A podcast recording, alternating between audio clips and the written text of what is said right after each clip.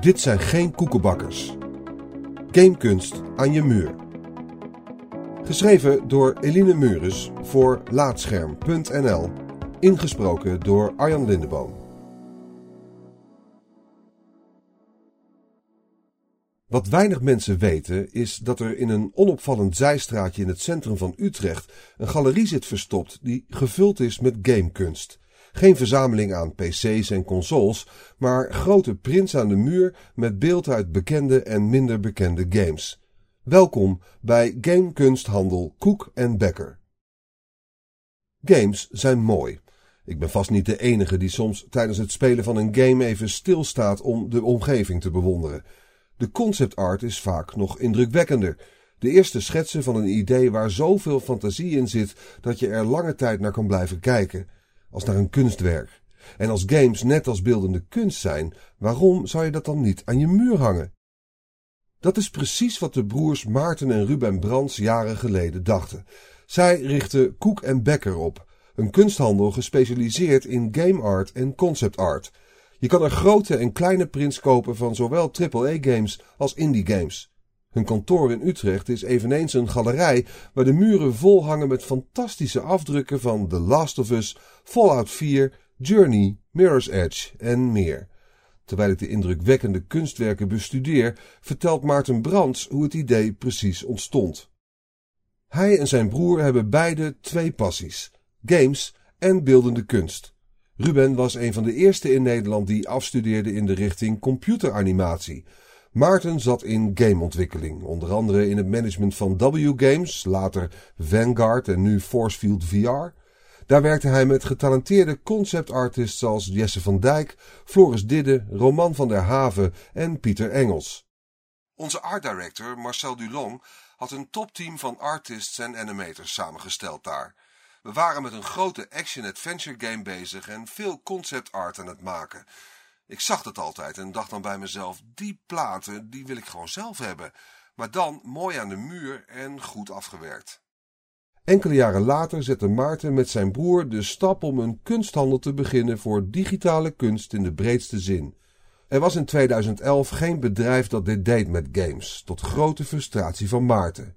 Je kon posters vol logo's krijgen van marketingafdelingen. Dat was het. Ik was inmiddels over de dertig, had een huis en wilde er echt iets moois in hangen. Iets dat goed is geprint, met papier dat niet vergeelt en in samenwerking met de artist. Maar dat was er niet.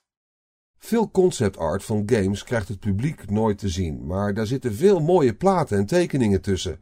Maarten en Ruben wilden dat laten zien als liefhebbers en verzamelaars, maar ook omdat het hoort in moderne beeldcultuur.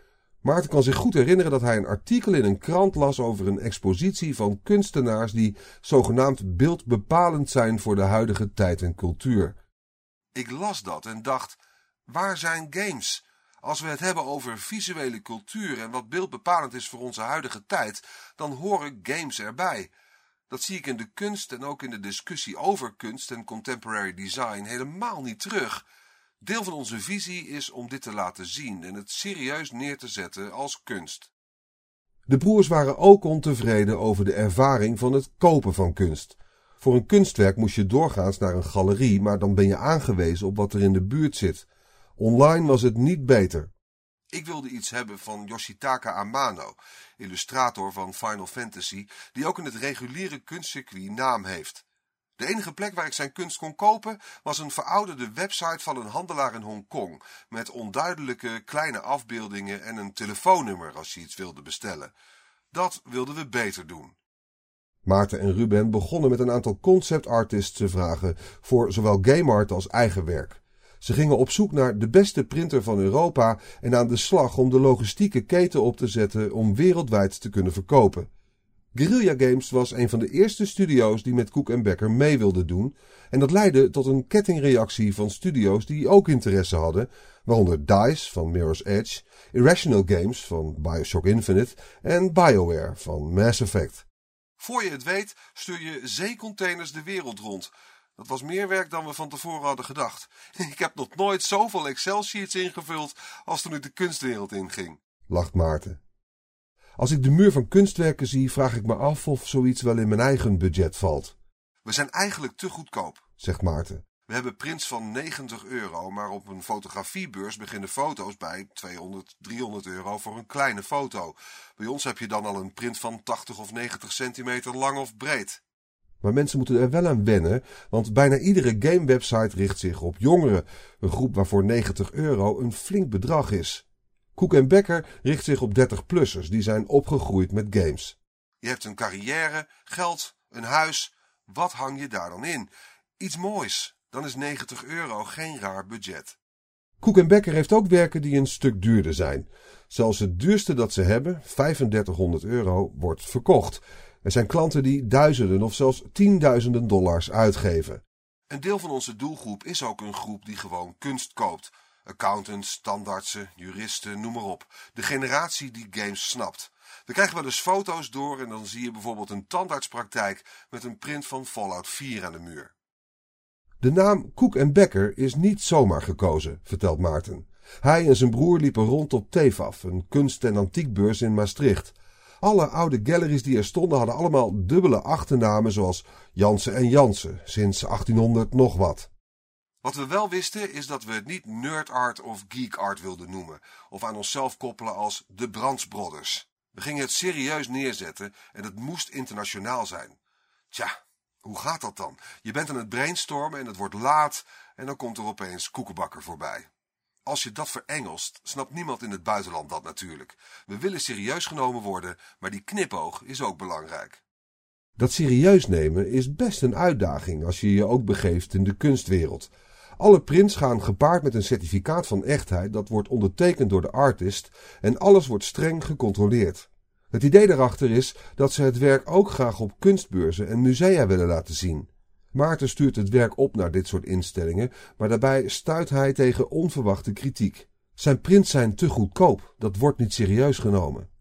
Om bij een kunstevenement in aanmerking te komen voor expositie gaat je werk langs een commissie. Het is geen open wereld en als ze je kennen kom je er eerder in, vertelt Maarten. De ervaring is blind. Je betaalt 2000 euro inschrijfgeld en dan hoor je na een paar weken dat je het niet bent geworden, met een slechte argumentatie erbij. Het is lastig te peilen hoe curatie werkt. Er zijn grote kunstbeurzen in Nederland waar je schilderijen en fotografie ziet, maar ook juwelen, horloges, kaarsenstandaards, wat de doelgroep ook maar relevant vindt.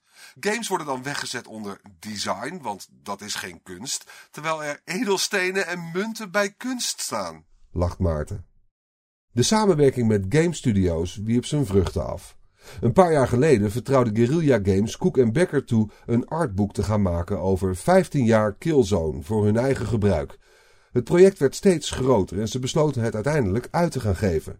Dat was het begin van een reeks artbooks. Flambeer, Sonic en Final Fantasy XV volgden. Ze werden gevraagd door Square Enix voor Final Fantasy. Het Killzone boek was in Japan terechtgekomen en die waren erg onder de indruk. Zo rolt de bal door. Maarten koopt bijna nooit game art boeken omdat hij ze slecht gemaakt vindt. De productie mag niet te veel kosten. Het is goedkoop papier. Ze krijgen een bak assets van de studio en dan is het alle poppetjes en werelden erin en drukken maar. Er is conceptueel niet over nagedacht.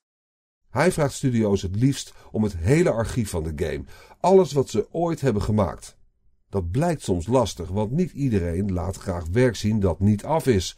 Juist die vroege schetsen, bijvoorbeeld van Sonic met een raar hoofd, vindt Maarten interessant. Ze interviewen het team over de designfilosofie, het proces en hoe ze werken. Bij Flambeer hebben we van Jan-Willem Nijman, game designer, al zijn notebooks gekregen. Al die dingen hebben we bekeken, gescand en in de uiteindelijke versie hebben we ook papier gebruikt die je dat dummy gevoel geeft.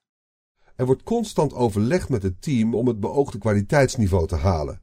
We maken proefdrukken, gaan terug naar de artist en vragen: is dit goed? Kan het nog beter? Het is tweaken, tweaken, tweaken.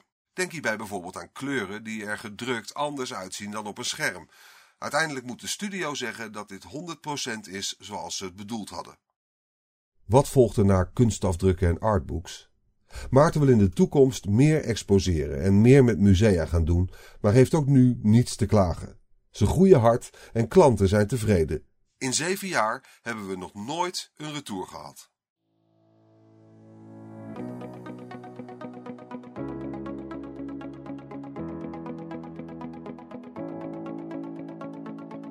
Dankjewel voor het luisteren naar deze aflevering van Laatscherm voorgelezen. Als je waardeert wat we hier doen, dan zouden we het leuk vinden als je iemand anders vertelt over laatscherm.nl of een van onze verhalen deelt op social media. Je kunt ook heel eenvoudig 5 sterren achterlaten in de podcast-app van Apple en eventueel een recensie, waardoor we weer beter vindbaar worden voor anderen. Luister ook naar onze andere maandelijkse podcast Praatscherm en ga voor meer verhalen, geschreven of gesproken, naar laatscherm.nl.